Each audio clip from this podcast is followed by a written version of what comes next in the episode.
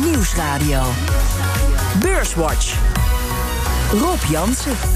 Welkom bij Beurswatch, het beleggingsprogramma op de Nederlandse radio met Jim Tehoepoering van 1 Vermogensbeheer en Koen Bender van Mercurius Vermogensbeheer. Welkom. Um, Vorige week een topweek voor de AX met een stijging van bijna 8%. Deze week een stevige min. Blijven we deze sterke uitslagen voorlopig houden? Wat is jullie verwachting voor de komende weken? Even heel kort. Jim. Ja, het blijft een beetje Jantje lacht, Jantje helpt natuurlijk. Eh, omdat we nog steeds niet kunnen plaatsen wat nou de economische impact daadwerkelijk is en zal blijven. En ik denk ook dat het op de beurzen uh, wel zo gaat blijven. En we raken er ook een beetje aan gewend. Hè. Na alles wat in maart is gebeurd, valt dit nog wel een beetje mee. Ik sta er niet meer van te kijken. Wat denk jij, Koen? Nou, ik denk dat dit uh, een, iets, iets wat gezonde reactie is op, uh, op, op het nieuws van de aanzwellende COVID-gevallen in de VS. Dat geeft natuurlijk even wat schrik. Maar het gaat niet meer de reactie geven die we in maart hadden. En ik denk ook niet dat we teruggaan naar die niveaus. Maar dat we vanaf dit niveau toch rustig aan verder omhoog kruipen.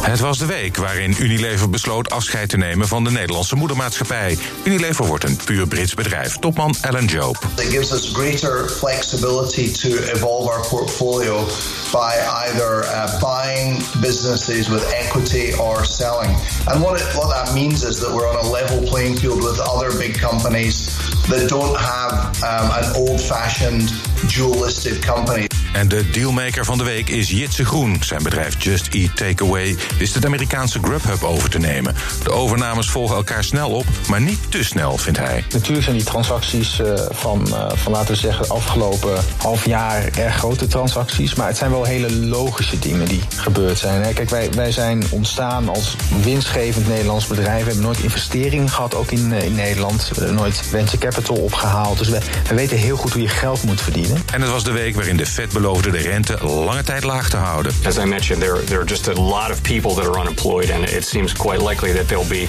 a significant group at the end of even even after a, lot of strong job growth that'll still be struggling to find jobs, and we'll still be providing strong accommodation for that.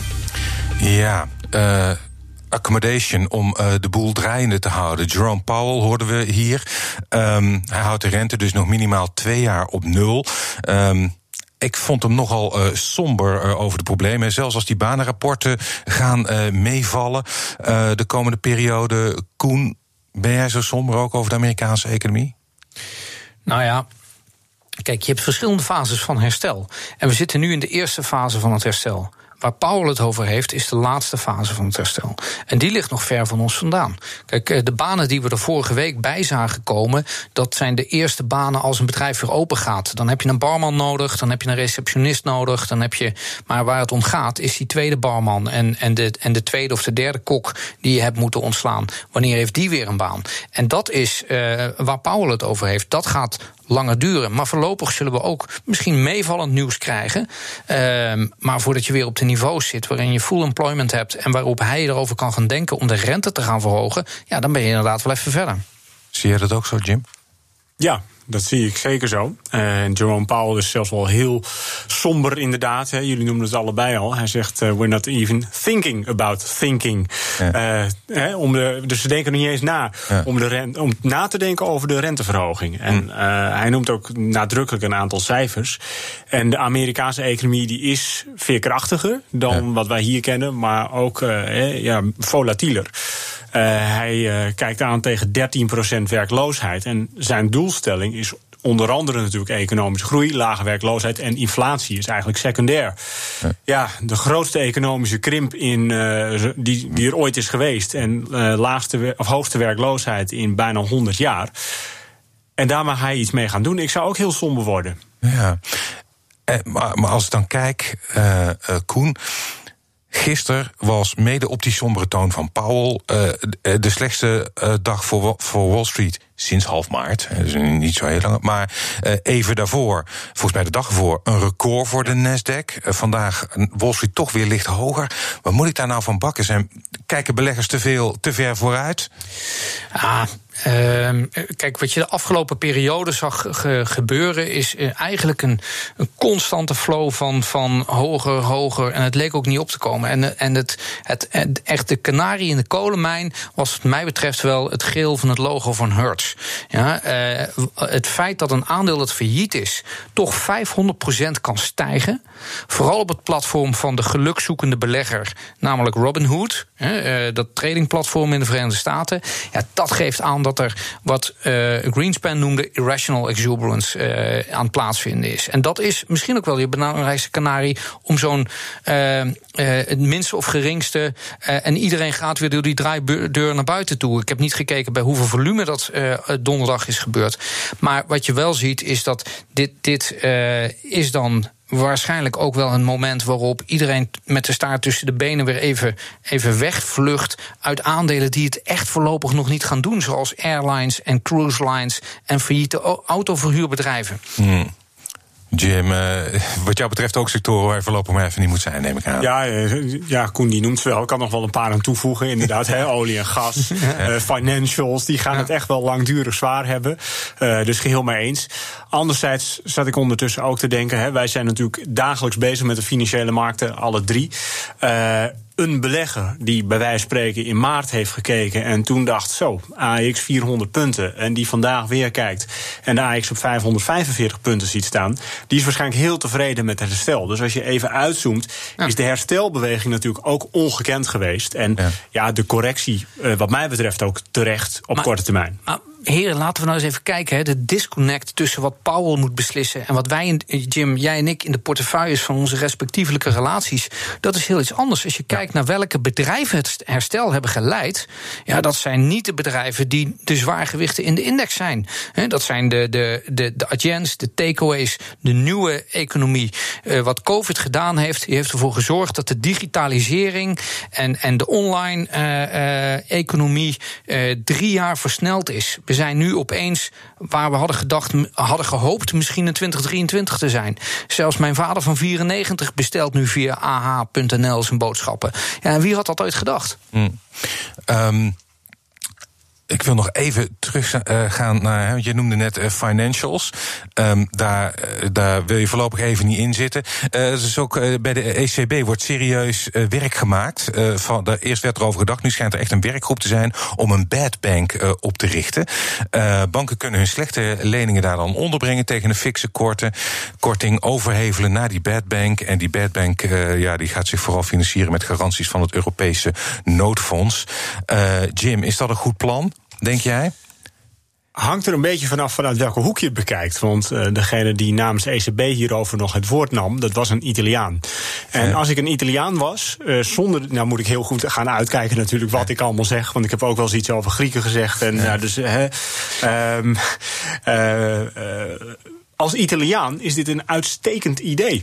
Want al die slechte banken die je hebt, die worden eigenlijk ja, verzekerd of sterker gemaakt door de solide banken. Maar in Nederland hebben we natuurlijk ook het depositogarantiestelsel, waar banken met elkaar zeggen van ja, we staan garant voor elkaar. En de grote vraag is natuurlijk of de solide banken uh, zin hebben of om voor de zwakkere broeders garant te staan. Uh, want voor hen is dat helemaal niet zo gunstig. Dus ik denk dat het niet een uitvoerbaar plan is, dat heel veel discussie gaat leiden, maar voor een deel van Europa wel een hele goede oplossing zal zijn. Ach, Rob, dit is toch helemaal geen nieuws? De, de ECB is al jaren een bad bank. Ja, dit is, uh, ja. alleen dat het nu vorm krijgt en dat ze uit, uit, wat dat betreft het zelf ook erkennen en een plan gaan maken om het apart te zetten. Nee, alle gekheid op een stokkie. Ik vind het, een, uh, ik vind het op zich een goed idee. Want de, de, de kern van, van banken is dat er vertrouwen moet zijn. En die banken moeten bezig zijn om zich om uh, te lenen. Om uh, liquiditeit in het systeem te brengen. Naar ondernemers die het nu moeilijk hebben. En wel die leningen uit te zetten. En niet bezig zijn met het afwikkelen van hun slechte boek uit een vorige crisis.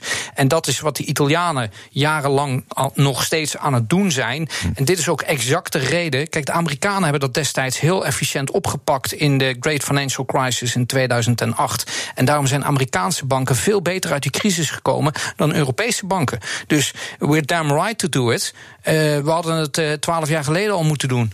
En, en vervolgens die banken uh, bezig laten zijn met wat ze moeten doen. We moeten ze geen vrijbrieven afgeven om slechte leningen aan te gaan in de toekomst en die ook maar even bij de ECB te dumpen. Maar goed, dat, dat plan moet verder uitgewerkt nou, worden. Dat is hetgeen, uh, ik ben het uh, grotendeels wel met je eens, maar in de voorbereiding heb ik één woord hier ook opgeschreven, dat is moral hazard. het gevaar bestaat natuurlijk dat je inderdaad die slechte lening dan maar wel, of nou, de potentiële slechte lening wel op je balans neemt, hm. omdat je weet dat je hem toch met een klein verlies uiteindelijk kunt dumpen bij die bad bank. En dan krijg je misschien wel dat er te veel risico wordt genomen. Maar dat is wat Koen terecht ook opmerkt. Als er maar vertrouwen is in de bank, dan hou je het stelsel overeind. Ja. Um, we gaan naar bedrijfsnieuws. Uh, een van de uh, toch wel opmerkelijke dingen deze week. Um, ja, voor mensen met een sterk ontwikkeld uh, oranje gevoel was het denk ik een, een moeilijke week. Want we hoorden het al net. Unilever verliest na 90 jaar zijn Nederlandse moedermaatschappij. Wordt volledig Brits, omdat de simpele structuur, overnames en verzelfstandigingen van onderdelen makkelijker maakt. Koen, jammer dat Unilever NV verdwijnt? Of maakt het jou helemaal niks uit? Nou ja.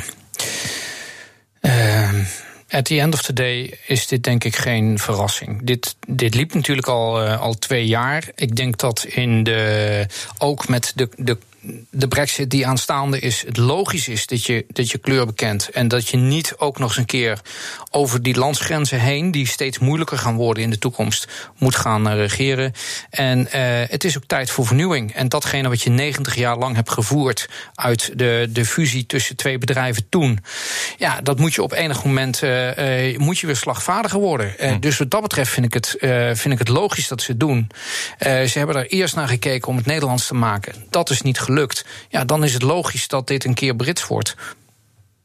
Ja, waarbij natuurlijk uh, twee jaar terug ook misschien wel uh, de publieke opinie een uh, deel daaraan heeft bijgedragen. Namelijk het afschaffen dan voor de dividendbelasting voor Unilever zou gelden. en ja, die verrijking ten koste van de belastingbetaler, dat was natuurlijk uit den boze. En ja, nu Polman ook vertrokken is, is het natuurlijk heel makkelijk voor Unilever om te zeggen van nou, we kiezen één plek voor onze, nou niet voor onze notering, maar hè, want of een, als we een PLC hebben en een NV, dus twee rechtsvormen, hebben we twee keer de vergadering, de verslaglegging. Het zijn gewoon heel veel kosten en veel gedoe. Waarvan je kan afvragen, wat brengt het zo'n bedrijf? En dat is eigenlijk niks. Ja, en het houdt de notering dus voor de, voor, voor de particulier, maar voor, voor de belegger maakt niet zoveel uit, toch? Nou, uh, in, in grote lijn niet. Hè. Nederland blijft het genoteerd en wordt het een PLC. En uh, mogelijkerwijs gaan we misschien nog wat minder dividendbelasting betalen. Dus wat dat betreft zou het een ding. Maar voor de indexbeleggers maakt het wel uit, want het aandeel verdwijnt uit de Eurostox 50. Ja, dus waar, die samenstelling, het wordt wel een, een, een direct pondig bedrijf. Maar het is interessant, want als Unilever het doet, waarom zou dan Koninklijke Olie ook niet dit heilige huisje overeind kunnen, of omver kunnen trappen en zeggen wij gaan ook een kans eh, eh, een kant kiezen. Ja, we zullen het zien. En daar maakt de dividendbelasting ook minder uit sinds een paar maanden. Ja. U luistert naar Beurswatch met uh, Koen Bender van Mercurius Vermogensbeheer en Jim Tehupoering van Eén Vermogensbeheer. Voor we verder gaan, maken we even de balans op van de afgelopen week. De AEX die sloot vandaag op 545,2 punten. Dat is 4,8% lager dan vorige week. Stijgers. Op 1 Prozus, de grootste stijger van deze week met een plus van 1,9 procent. Op 2 Adyen met een plus van 1,7 procent. En op 3 DSM met een plus van 0,1 procent in een week tijd. En het midcap aandeel dat het best presteerde deze week was NSI. Het vastgoedfonds kreeg er een, een magere 0,3 procent bij. Dalers. Op 1, daar zijn de uitslagen wat groter. Uh, de grootste daler op weekbasis is Unibuy Rodamco Westfield met een min van 18,9 procent. Op 2 Just Eat Takeaway met een min van 17 procent. En op 3 Egon met een min van 15,4 procent. En in de midcap was de grootste daler deze week Eurocommercial Properties met een min van 15 procent. En de AX is deze week 4 van de 5 handelsdagen lager gesloten. Um, uh, bij de stijgers zien we echt uh, nieuwe economie, uh, Prozus en uh, Adyen. Maar ook een uh, grote daler, Just Eat Takeaway. Uh, zal ongetwijfeld te maken met de aandelenuitgifte. Maar voor Jitse Groen, de topman van Takeaway, was het denk ik wel een hele mooie week. Top 3 speler van de Amerikaanse markt voor maaltijdbezorger overgenomen. Voor 7,2 miljard dollar lijft hij Grubhub in. En dat gaat hij betalen met aandelen. Hij wordt daarmee de grootste maaltijdbezorger ter wereld buiten China. Koen, topdeal of een te groot risico? Nee, fantastisch. Ja? Ja, ja, echt petje af. Ik bedoel, zo mooi als hij dit. Dit zijn de vruchten van, van datgene wat hij heeft laten zien. in de manier waarop hij met uh, Just Eat is omgegaan. En, en ook uh, dat snel heeft geïntegreerd voor de aandeelhouders van Just Eat. eigenlijk tot vorige week ook een heel mooi rendement heeft gegeven. Mm. En uh, ja, ik denk dat het voor beide bedrijven.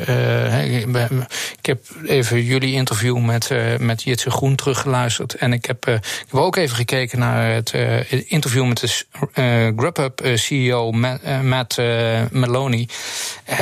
ja, voor die beide mannen is het ook een droomdeal. Dus in de zin van niet alleen financiële zin voor zichzelf, maar vooral hoe gaan we verder met dit bedrijf? En je hoort gewoon, hij is laser gefocust, uh, Jitse Groen. En, en uh, met Maloney ook. En die, de twee hebben een match. Ja. Die twee bedrijven gaan elkaar gigantisch versterken. Dus voor de aandeelhouders geweldig, denk ik. Jim, uh, blij met deze overname? Ja, ook als je kijkt bijvoorbeeld naar waardering. En wat misschien ook wel iets om bij stil te staan, is de hm. expansiedrift van, nou in dit geval Jitse Groen. En die ook heel duidelijk zegt van ja, uiteindelijk is er eigenlijk maar plaats voor, nou ja, uh, wat hem betreft, één monopolist in deze branche. Mm -hmm. uh, en hij wil gewoon marktleider zijn in elke markt waar hij actief is. En het liefste wereldwijd. En hij uh, handelt vanuit de gedachte: the winner takes it all. en nog niet zo lang geleden, namelijk afgelopen jaar, werd de overname van Delivery Delivery Hero. Een grote Duitse speler uh, uh, afgerond. Daarop volgde Just Eat. Hè. Het heet nu Just Eat Takeaway, maar een jaartje geleden nog Takeaway. Ja, ook die fusie die gaat voortvarend snel. Als je nou kijkt ook dat in coronatijd, hè, Koen noemde het al, een verschuiving in, ja, eigenlijk misschien wel van oude naar nieuwe economie. Dat Just Eat Takeaway gewoon dik 40% orde toename ziet. Nou, dan eventjes, hè, dus de expansiedrift, alles klopt. Het in elkaar schuiven, het uitbreiden. Maar ook als je kijkt naar de prijs die uit uiteindelijk moet worden betaald voor Grubhub. En je vergelijkt het bijvoorbeeld met de prijs van aandelen takeaway. Ja, dan, dan heeft hij het gewoon goedkoop in, de, in, in weten te kopen tegen een hm. lagere waardering. Je kunt zeggen, ja, hij moet 30% meer betalen uh, dan de uh, aandelenkoers uh, zoals die was. Hm. Maar wel tegen een lagere waardering dan bijvoorbeeld takeaway zelf. Dus mooie deal, biedt veel potentie en past helemaal in de lijn die is ingezet. Ja, uh, aan de andere kant, Koen, uh, uh, Amerika is natuurlijk best wel een vechtmarkt. Je hebt daar Uber Eats, die misgreep naast ja. Grubhub. En um, hij is, wil inderdaad een grote speler worden, maar hij is met Grubhub daar nummer drie. Zal dus nog behoorlijk wat marketing en zo tegenaan moeten gaan in kosten. Ja, maar dat, dat, kijk, die basis is er ook. Hè. Beide bedrijven maken winst. Uh, en en uh, wat uh, Takeaway heel goed heeft laten zien, wat Jitse Groen beter doet dan Maloney van Grubhub, is zijn groeicijfers. Hij laat een veel steilere groeicurve zien dan Grubhub gehad heeft. En Grubhub heeft de weg nu naar boven toe wel weer te pakken. Maar er zit natuurlijk synergie aan de achterkant in het platform, in de kennis. En ze hebben straks gezamenlijk meer budget om dit ook te doen. Hm. En de uiteindelijke premie voor, voor, eh, voor, voor Jitse Groen en voor alle aandeelhouders van een combinatie, uh, ja, is, is toch ook dat hij heeft niet alleen een notering in Amsterdam, niet alleen een notering in Londen, maar hij is dadelijk ook genoteerd aan de Nasdaq. En dat geeft natuurlijk veel meer exposure nog. En ook veel meer mogelijkheid straks om uh, die koers, ja, om, om attentie van hele grote investeerders uh, naar zich toe te trekken. Ja. Uh, en dat is weer de volgende fase. Ja, um, ik wil ook even kijken nog uh, kort naar uh, verzekeraar NN. Um, hedgefonds Elliott uh, heeft een belang, al een tijdje, van 3% in het bedrijf en eist meer actie van het bestuur. Hardere doelstellingen, een agressiever beleggingsbeleid, en dat komt dan neer op minder staatsobligaties en meer in hypotheken en bedrijfsobligaties. Um, Jim, ben je blij met deze actie van Elliott? Nou, kijk, je kan wel zeggen waar Elliott uh, zich aan het uh, toneel uh, begeeft, daar gebeurt wat. Want we kennen ze natuurlijk nog van twee jaar geleden, is dat volgens mij, maart, hè, Axo Nobel, ja. PPG. Ook toen was het Elliot die zich activistisch opstelde. Ze hebben ook overigens een uh, belangetje in uh, Intertrust. Hm. Uh, en nu NN, waar er net een nieuwe CEO zit. Dus het is misschien ook qua timing ook nog wel heel doordacht. Hm. Want die is nog kneedbaar. die kunnen hm. ze een, richting uitsturen. Waar Lars Friesen misschien eerder had gezegd: van nou, we zijn conservatief, we doen het rustig aan. En ja, hè, dus. Hm best wel slim getimed, denk ik. En het brengt in elk geval wel beleggers uh, in beroering in positieve zin. Want het aandeel wint flink. Ja, is vandaag inderdaad de hoogste stijger volgens mij in de, in de AX. Uh, Koen, uh, zo'n zo'n oproep tot uh, ja, agressiever beleggingsbeleid betekent ook meer risico. vind je ervan? Ja, nee, goed. Kijk, risico is natuurlijk ook een muterend begrip door de jaren heen geweest. En ik denk dat je, nou ja, als je, als je kijkt naar de hypothekenmarkt, dat, dat is over het algemeen een vrij uh, uh, stabiele markt. Waar inderdaad uh, andere grote verzekeraars zich ook op gestort hebben. Dus het is niet zo heel erg gek dat daar op gewezen wordt. Bedrijfsobligaties klinkt risicovoller. Maar aan de ene kant kun je zeggen van nou, we hebben de ECB als backstop erachter. Uh, staatsobligaties noteren over het algemeen negatief. Groot probleem voor alle financials is de negatieve rente. Mm. Uh, en, en die moet je op een bepaalde manier tackelen. Uh, en, en alles is ook in welke, welke spreiding en welke proporties doe je het. Dus dat er naar gekeken wordt en dat het nu op de agenda wordt gezet. Ja, daar, daar is misschien. Soms heb je een, een, een schok van buitenaf nodig om, uh, om vernieuwing door te maken. En, en Elliot is inderdaad, zoals uh, Jim terecht opmerkt, in, in heel veel gevallen de, de schok die positieve verandering met zich meebrengt. Dat kan het hier ook wel zijn. Ja. ja. dus wellicht ook goed voor uh, de belegger. Nou, in ieder geval uh, vandaag uh, kun, je, kun je zeggen. Um, we zijn alweer bijna aan het einde van de uitzending. En dat betekent dat de luisteraar met smacht wacht op jullie tip. Um, Jim, wat uh, is jouw tip voor de luisteraar? Ik vond het lastige, maar ik ga me wagen aan een oer-Hollandse. In die zin dat uh, he, ik persoonlijk wel vind dat uh, aandelen misschien wel iets te hard zijn opgelopen, maar wel in een hele volatiele markt. Dus degene die wat meer bedreven is in zijn uh, portefeuille en instrumenten beheerst, zou eens kunnen denken dan aan een instrument wat sinds 1978 in uh, Europa wordt verhandeld. En dat zijn opties. Mm -hmm. In dit geval kan het best wel lonen om opties te schrijven op je portefeuille. Dat betekent dat je premie ontvangt. Nou, heel complex verhaal eigenlijk. Maar daarmee heb je een beetje demping als het daalt. Blijft het gelijk, dan verdien je die premie en naar boven heb je geen risico, maar verdien je wat minder. Dus je zet je portefeuille een beetje dicht met wel zicht op rendement. Zou ik absoluut in deze markt met die hoge volatiliteit en misschien wat overwaardering eens naar kijken. Een optie schrijven. Uh, Koen, wat is jouw uh, tip voor de luisteraar? Ja, ik, ik, moet hier ook uh, efforts uh, of uh, honneurs aan Jim geven. We, we, zaten vlak voor de uitzending heel even want ik voelde aan mijn water van nou, dit kon wel eens dat we dadelijk met dezelfde tip staan. En, en ik weet niet of je dat al eens eerder bij Beurswatch hebt gehad. Dat twee. ja, dat is, dat is wel eens eerder. Oké, okay, ja.